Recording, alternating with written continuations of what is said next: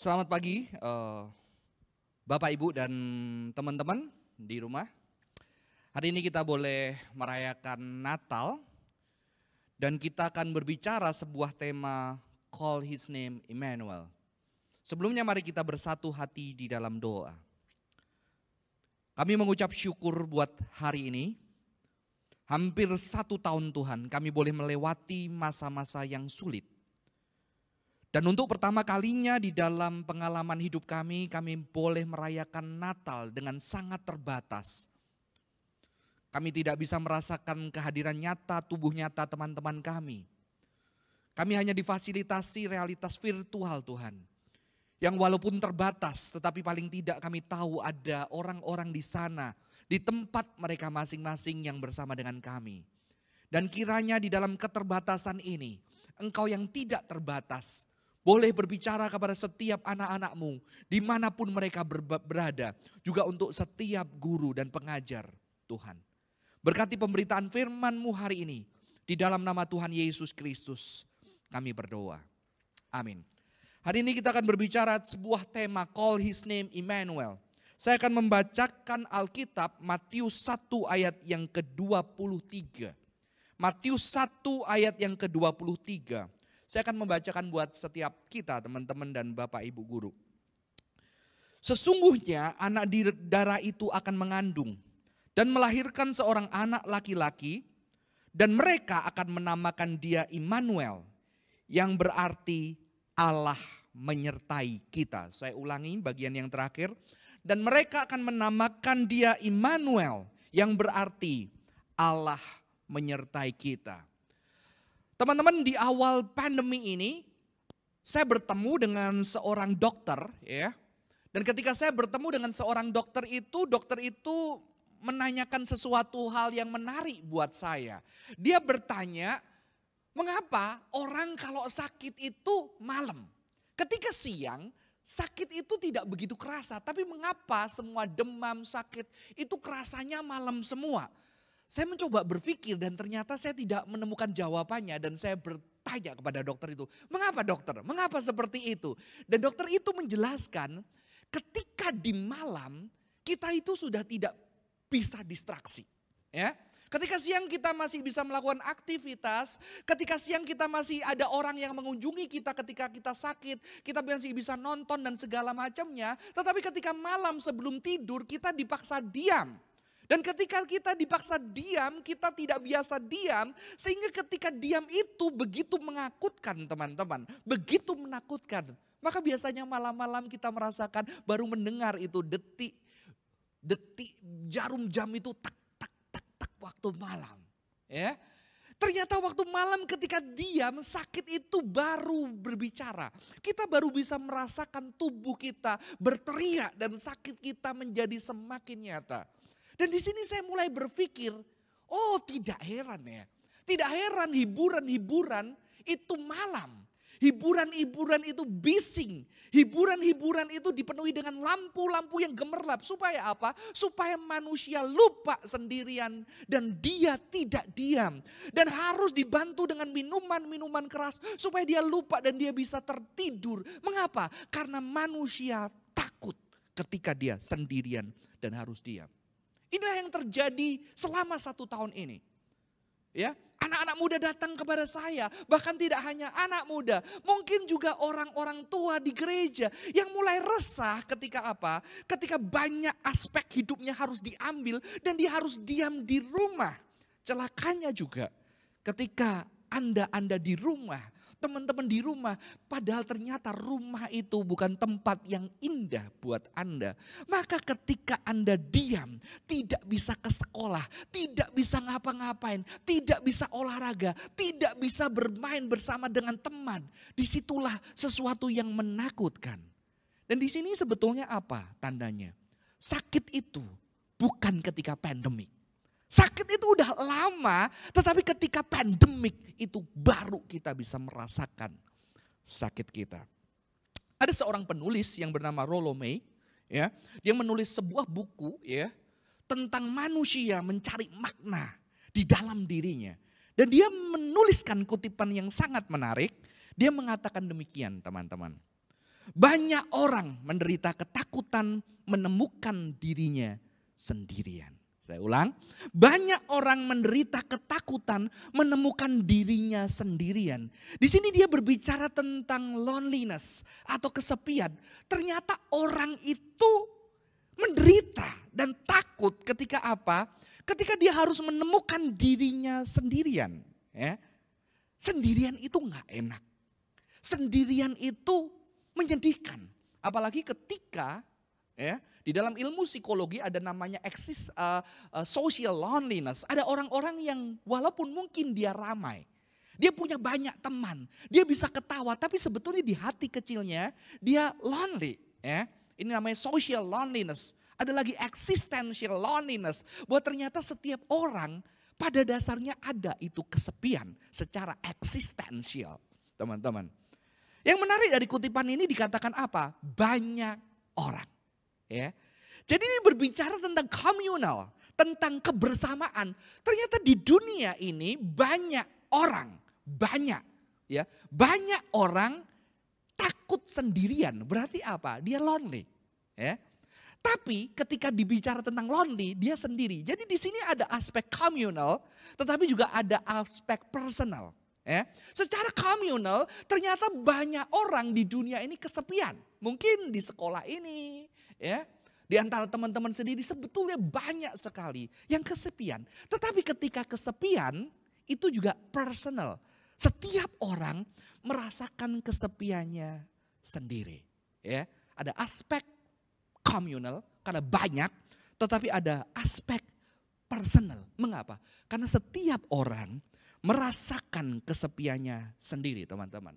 Dan begitu kesepian dikatakan orang-orang itu sangat menderita, sangat menderita sekali. Sehingga tadi Rolome mengatakan orang itu bahkan nggak berani, ya, nggak berani melihat dirinya sendirian. Mengapa? Karena itu menderita sekali. Ya, teman-teman. Dan ini juga yang sebetulnya dialami oleh bangsa Israel, ya. Bangsa Israel ketika dijajah Mesir, ya, mereka secara komunal sebuah bangsa yang besar. Mereka menyembah Tuhan yang berkuasa, Yahweh pencipta semesta alam. Tetapi mereka mengalami penderitaan dan sesuatu yang menderita adalah ketika mereka merasa Tuhan tidak ada buat mereka. Mereka sendirian sebagai sebuah bangsa. Secara komunal mereka sendirian. Tetapi juga saya percaya secara personal orang-orang Israel juga mengalami penderitaan. Mengapa? Karena penindasan banyak keluarga yang meninggal. Dan sudah tahu kisah Musa, ternyata juga banyak anak-anak yang dikorbankan. Setiap orang punya, setiap ibu punya anaknya masing-masing. Dan dia punya tangisan-tangisan yang personal. Tetapi mereka secara komunal juga, mereka juga kesepian. Dan kita tahu Mesir itu tanda sebuah peradaban yang sangat maju sekali. Sebuah peradaban yang berkembang luar biasa. Yang modern pada masa itu teman-teman. Ya. Dan kita juga tahu hari-hari ini peradaban semakin maju, peradaban semakin dahsyat. Kota-kota dibangun dengan tempat-tempat yang indah, yang nyaman ya. Yang kita bisa duduk bersama dengan orang lain. Tapi celakanya di tengah peradaban yang maju. Justru semakin banyak orang-orang yang sendirian.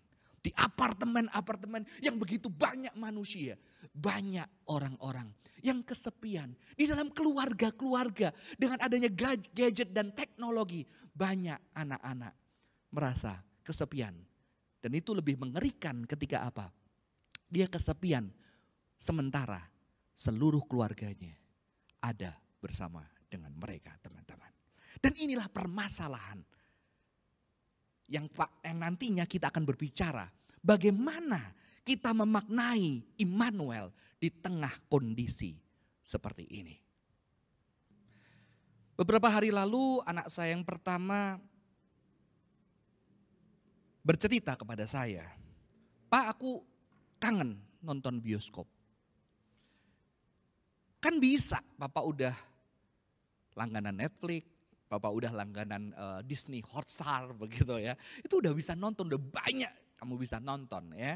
Nanti kalau Papa juga bisa downloadin yang belum ada di situ semua begitu ya. Tapi dia ngomong gini, Pak bukan itu Pak.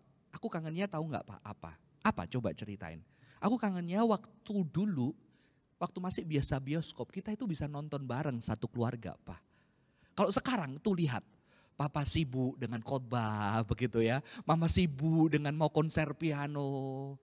Saya sibuk nonton Disney sendirian, adik sibuk main handphone begitu teman-teman. Dan bagi saya ini sungguh menyedihkan bagi saya. Dan ini teguran buat saya, ternyata anak-anak saya di pandemik ini bareng sama saya. Tapi justru ketika bareng itu kita nggak bareng. Ya. Itu ironis banget loh. Kita ada orang yang paling deket sama kita, kita nggak deket ya. Di sini saya sering mengatakan banyak keluarga atau banyak keluarga kehilangan orang-orang yang dicintai di mana? Bukan di luar, di rumahnya. Ya, kita kehilangan orang-orang yang kita cintai di rumahnya. Di situ saya mulai, saya mulai ini ada something wrong dari saya. Sehingga saya memikirkan bagaimana kita bisa ngobrol malam-malam dan biasanya mereka suka ngobrol malam-malam. Ayo uh, hari ini kamu yang sedih apa, yang kamu yang bahagia apa. Kita mulai ngobrol gitu ya. Dan kita cerita, bahkan saya bilang ayo kritik papa, papa kekurangannya apa, ayo mama kekurangannya apa. Papa kritik kamu, itu menjadi satu perbincangan. Dan terakhir, gara-gara ada Indonesian Idol, Idol, saya sama anak saya nonton Indonesian Idol gitu ya. Tebak-tebakan kira-kira ini lihat dari suaranya bagus lolos atau enggak. Begitu enggak lolos, ah papa menang, kamu kalah. Tapi itu lebih indah saudara-saudara. Ya, Ternyata anak pun, kita pun ya bisa merasakan lonely. Sementara ada orang yang kita cintai hadir bersama-sama dengan kita. Inilah yang juga dialami Israel, apalagi ketika mereka mengalami penindasan, ya dari sebuah bangsa yang maju, mereka ada di dalam peradaban yang sangat maju, ya pada masa itu mereka mengalami penindasan, mereka berteriak kepada Tuhan, dan ketika Tuhan itu tidak hadir, bahkan ketika mereka bersama dengan saudara-saudara mereka, semua sama-sama menderita. Di sini penderitaan kesendirian secara personal dan komunal ada, teman-teman. Saya percaya banyak anak-anak yang juga menderita dan kesepian di rumahnya masing-masing. Dan mungkin kita juga para guru ya, kita juga mungkin kesepian. Karena biasanya di sekolah ada anak, itu kadang-kadang menghibur kita ketika kita tersenyum dan mereka tersenyum dan baik kepada kita walaupun ada yang ngeselin begitu ya. Tapi itu kadang-kadang menjadi sesuatu yang hilang di masa-masa seperti ini. Tetapi saya sungguh luar biasa ketika melihat Alkitab teman-teman. Ternyata di dalam kondisi ini Yahweh Allah yang disembah Israel itu peduli kepada pergumulan umatnya. Dia melihat penderitaan umatnya ketika sendirian menderita. Dan dia pada waktu itu hadir secara nyata di dalam kehidupan Israel. Kalau saudara tahu akhirnya Yahweh memimpin melalui Musa Israel keluar dari Mesir. Dan bukan hanya itu ada satu peristiwa yang membantu kita menjelaskan untuk Immanuel konsep Immanuel adalah apa? Ketika Israel keluar dari Mesir, Yahweh itu juga meminta dibuatkan satu kemah pertemuan. Ada satu kemah yang di mana itu lambang kehadiran Allah.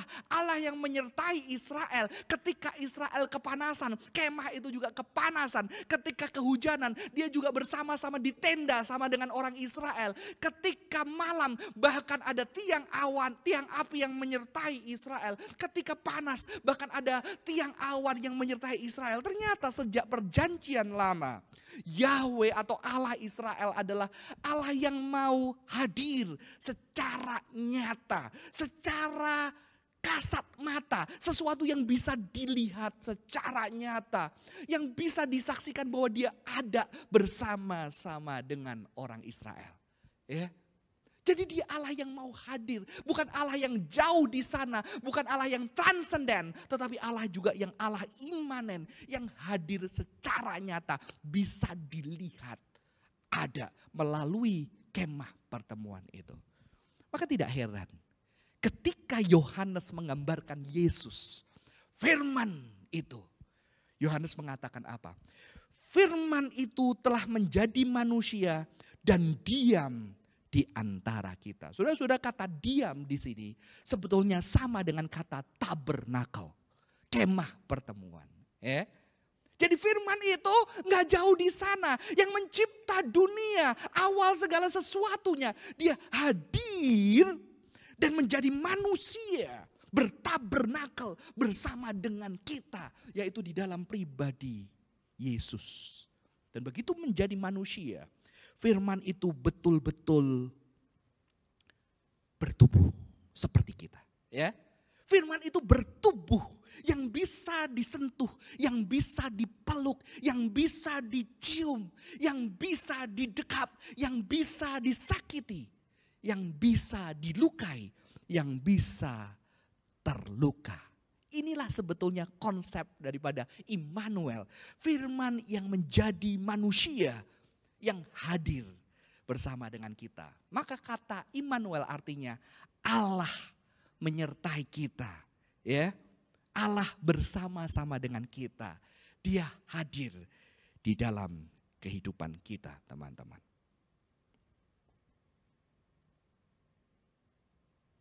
Firman yang menjadi manusia Artinya begitu menjadi manusia, firman itu betul-betul bertubuh seperti kita. Sudah ini konsep yang sangat penting teman-teman. Ya. Uh, di dalam dua tahun terakhir, satu tahun terakhir mungkin ya, saya mempelajari khusus secara tubuh. Ya. Ternyata tubuh itu adalah bagian yang sangat penting dari manusia. Tetapi celakanya di dalam sejarah, tubuh itu dianggap sebagai secondary. Ya. Manusia sering berpikir aku punya tubuh ya. Sehingga tubuh itu kita bisa pakai. Aku lebih besar daripada tubuhku. Karena suatu hari aku akan meninggalkan tubuhku. Sehingga tubuh itu didiskreditkan. Tetapi ternyata di dalam perkembangan teknologi dan juga perkembangan tek, ilmu pengetahuan dan perkembangan teologi. Hari-hari ini tubuh itu bukan hanya sesuatu yang kita punya. Tetapi kita adalah tubuh kita. Kita adalah tubuh, bukan aku punya tubuh, tapi aku adalah tubuhku. Maka itu di dalam kekristenan nanti, suatu hari nanti, kita akan dipulihkan dengan apa? Diberikan tubuh rohani, tubuh yang baru ya. Kekristenan menyatakan itu, jadi tubuh itu bagian yang sangat penting di dalam kekristenan. Bahkan firman yang kekal itu menjadi tubuh untuk menjumpai manusia. Teman-teman ini sesuatu yang sangat penting ya untuk kita maknai lebih dalam. Ya. Karena apa? Karena akhirnya pendidikan ataupun spiritualitas ataupun khotbah-khotbah di gereja itu hanya berhenti di wilayah intelektual. Ya, kamu harus mengasihi, kamu harus peduli sama teman, kamu nggak boleh bully sama teman. Itu semua di ranah intelektual. Kamu harus rajin baca. Itu semua di ranah konsep. Dan itu tidak pernah menyatu dengan tubuh kita ketika kita belajar sesuatu. Ya, dan ketika saya mendalami ini, justru tubuh itulah yang terpenting. Ketika kita mengajarkan sesuatu, bagaimana ajaran kita itu menyatu dengan tubuh seseorang. Contohnya, contohnya, ya. Contohnya ketika saya ingin mengajarkan anak saya, kamu harus sayang sama nanti sama suamimu atau kamu sayang sama anak-anakmu. Dia cuma menangkap dengan konsep, dia nggak akan ngerti. Tapi kalau dia lihat saya, ini loh papa sayang mama, saya peluk mamanya, saya cium mamanya di depan anak-anak katanya, ih papa jijik gitu ya. Saya cium bibir mamanya, ih papa kan enggak apa-apa, papa sudah menikah. Terus ketika saya mengajari anak, dia sayang anaknya, saya peluk dia, saya bilang papa sayang kamu, dia akan belajar dengan tubuhnya apa itu dicintai. Tapi di sekolah minggu kita cuma diajarkan kamu harus mengasihi, dilihatin gambarnya Yesus. Mereka perlu mengalami secara tubuh. Ya, seperti kita. Kita nggak akan ngerti COVID-19 sampai tubuh kita disuruh diem semua di rumah. Ya, ini masalahnya teman-teman. Dan tubuh ini menjadi sesuatu yang penting. Ya, kehadiran nyata itu menjadi sesuatu yang penting. Ada sebuah penelitian. Eh, penelitian ini disebut Harlow's Monkey. Ini penelitian kuno psikologi tentang attachment. Attachment. Di sini Anda akan melihat ada seekor anak kera yang ternyata dia diberikan dua boneka, teman-teman. Dua boneka. Satu itu uh, diberi bulu seperti seorang ibu, yang satunya itu cuma besi-besi tetapi ada ada susu uh, susu untuk minum ya. Dan ketika uh, anak monyet ini dilepas, diamati, dia mencari yang mana. Ternyata dia langsung mencari yang minum. Setelah dia dapat minum, dia langsung berpindah uh, kepada ibu buatan yang berbulu untuk dipeluk, untuk digenggam, untuk didek, didekap. Itu sampai sekitar dua jam. Jadi dia lama bersama dengan boneka yang mirip ibunya. Eh, eh. Dan ketika ketakutan, anak ini akan segera apa anak monyet ini kok anak ya. Anak monyet ini akan segera lari begitu ada monster gitu ya, ada robot nanti Anda lihat di video ini langsung monyet ini lari kepada uh, uh, boneka yang seperti ibunya. Dan dicoba juga ketika anak monyet ini dibiarkan sendirian tanpa boneka itu uh, ada monster yang menakut-nakutin dari besi itu. Dia terlihat depresi, dia uh, menjedor-jedorkan kepalanya di tembok dan dia seperti punya dunianya sendiri. Ya, ini ini sudah nggak waras sebetulnya. Ya. Ternyata tubuh yang walaupun pengganti itu penting. Yang bisa disentuh, didekap, didekati dan selalu hadir itu penting. Maka handphone ini nyata banget. Dan ketika ini nggak ada, kita bisa kesepian. Benar gak? Teman-teman.